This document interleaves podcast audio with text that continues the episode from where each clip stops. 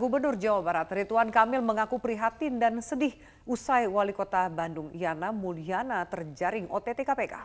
Ridwan Kamil juga sudah menunjuk Sekda Kota Bandung Emma Sumarna menjadi pelaksana harian PLH Wali Kota Bandung. Emma Sumarna diminta untuk memastikan pelayanan publik tidak terganggu dan segera mengambil keputusan terkait mudik lebaran. Sebagai gubernur, saya sangat prihatin. Sebagai mantan wali kota Bandung, saya sangat sedih. Sambil ceritain yang masa Anies sebagai kedinasan sangat prihatin. Sebagai pribadi yang dulu ngurusin Bandung reformasi begitu rupa, sangat-sangat ini uh, saya tadi ke sana juga menitipkan pelayanan publik warga Bandung insya Allah tidak akan terganggu karena uh, sudah saya arahkan Sekda Kota Bandung Pak Ema untuk segera mengambil keputusan apalagi menjelang menjelang mudik Lebaran koordinasi lapangan yang luar biasa jadi insya Allah tidak akan terganggu. Saya sudah konsultasi ke Pak Mendagri sementara per sementara sesuai aturan PLH-nya uh, masih itu posisi tertinggi di birokrasi. Usai Wali Kota Bandung Yana Mulyana ditangkap KPK, rumah dinas Wali Kota Bandung dan kantor Pemkot Bandung dijaga ketat. Sekda Kota Bandung mengatakan ada kepala dinas ikut ditangkap bersama dengan wali kota.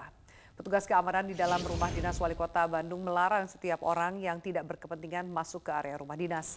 Aturan ketat ini berlaku usai wali kota Bandung ditangkap KPK dalam operasi tangkap tangan pada Jumat malam.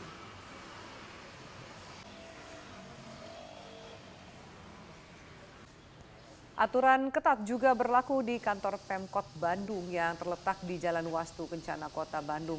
Semua kendaraan dan orang yang masuk ke dalam Pemkot Bandung digeledah dan dilarang masuk ke dalam komplek pemerintahan Kota Bandung. Penangkapan Iyana Mulyana membuat birokrasi pemerintah kota saat ini dipegang sementara oleh Sekda Kota Bandung. Sekda Kota Bandung Emma Sumarna mengaku kaget dan prihatin dengan penangkapan ini. Sekda mengatakan saat penangkapan dirinya tidak bersama dengan wali kota Yana Mulyana.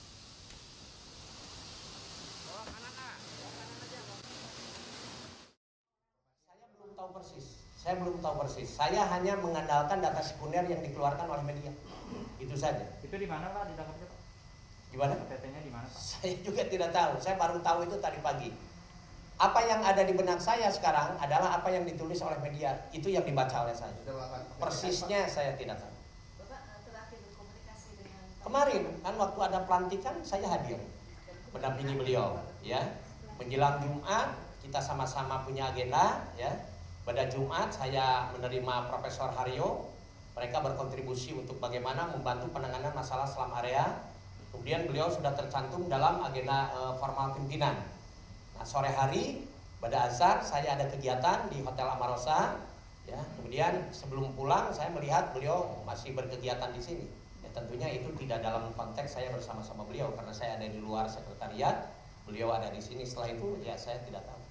Pak ada penyegelan nggak Pak di ruangan Pak Wali atau? Saya lokasi pun belum belum berani datang. Saya belum berani datang. Saya tidak ingin melangkahi apa pun yang nanti bahkan bisa menjadi persoalan. Pak, Kalau yang saya tahu itu kan yang inisial di satu kepala dinas. Yang lainnya saya sekali lagi saya hanya sebatas mengenalkan apa yang sudah ditulis oleh media dan substansinya kan sama. Ribuan warga berdesak-desakan berebut sembako yang dibagikan Himpunan Pengusaha Muda Kabupaten Gresik, Jawa Timur. Bahkan beberapa warga nyaris pingsan dan anak-anak terjepit hingga menangis.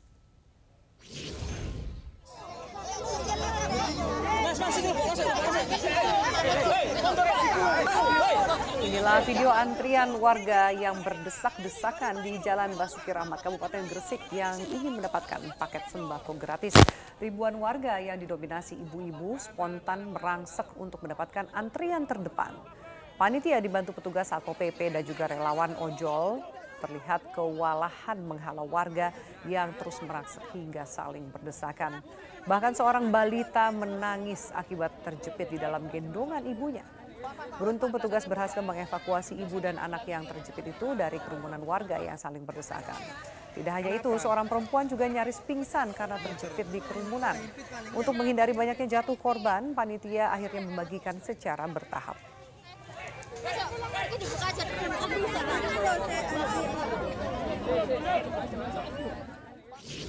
Kepucuk surat permintaan THR dari BNN Tasikmalaya kepada PO Bus Budiman ini terjadi pada hari Selasa 11 April 2023. Surat tersebut lengkap dengan kop BNN Kota Tasikmalaya dan tanda tangan Iwan. Dalam surat itu, BNN Kota Tasikmalaya meminta bantuan partisipasi dan apresiasi untuk THR maupun paket lebaran yang diperuntukkan bagi 28 anggota BNN Kota Tasikmalaya. Saya kaget dari jabatan dulu Pak Puteng ya, Aku itu selama beberapa tahun nggak ada sama sekali. Setelah mendengar ada hanya selebaran itu, saya kaget. Ya mudah-mudahan lah jangan sampai lah, karena BNN kalau menurut saya itu garda terdepan dalam pemberantasan narkotika yang ada di kita. Ini jadikan yang mudah-mudahan jadikan pembelajaran kepada yang terkait. Setelah surat tersebut viral dan menyebar luas, Kepala BNN Kota Tasikmalaya Iwan Kurniawan Hasim angkat bicara dan memberikan klarifikasi. Iwan meminta maaf dan mengaku ada kesalahan dan telah mencabut surat tersebut. Ya itu mungkin suatu kesalahan ya, kesalahan dari ini tidak itu boleh terjadi. Berpikir aja sih sebenarnya eh, hanya untuk anggota tidak Tapi itu udah saya tarik gitu, tidak jadi eh, dicabut. Tujuannya kan sebenarnya untuk memberikan tambahan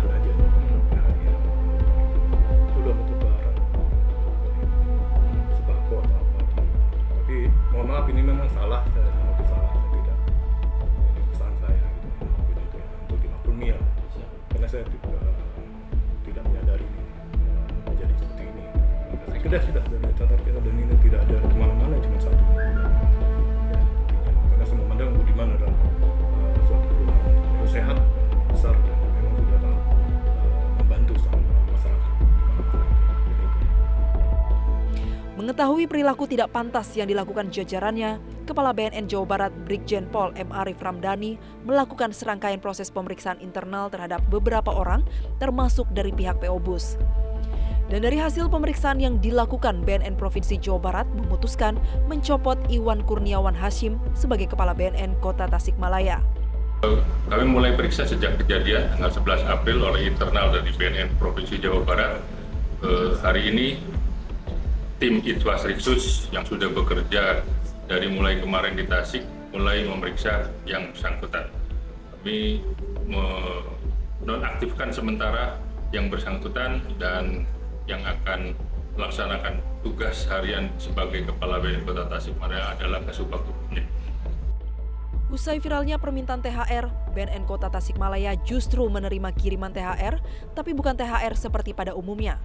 THR tersebut berupa uang mainan dan setandan pisang yang dikirim oleh kelompok pelajar yang mengaku prihatin dengan BNN Kota Tasikmalaya. Pemirsa Presiden Joko Widodo bertolak ke Hannover, Jerman pada Sabtu pagi. Dalam lawatannya Presiden akan membuka pameran industri terbesar di Eropa, Hannover Messe, bersama dengan Kanselir Jerman. Dengan didampingi Ibu Negara Iriana Joko Widodo dan delegasi terbatas, Presiden Jokowi bertolak ke Hannover, Jerman melalui Bandara Soekarno-Hatta, Tangerang, Banten. Presiden diagendakan membuka Hannover Messe bersama dengan Kanselir Jerman. Ini merupakan ketiga kalinya Indonesia menjadi mitra pameran industri Hannover. Tema yang diusung Indonesia tahun ini adalah Making 4.0. Selain meresmikan pameran, Presiden juga akan melakukan pertemuan bilateral dengan Kanselir Jerman dan bertemu dengan beberapa pengusaha besar dari Jerman.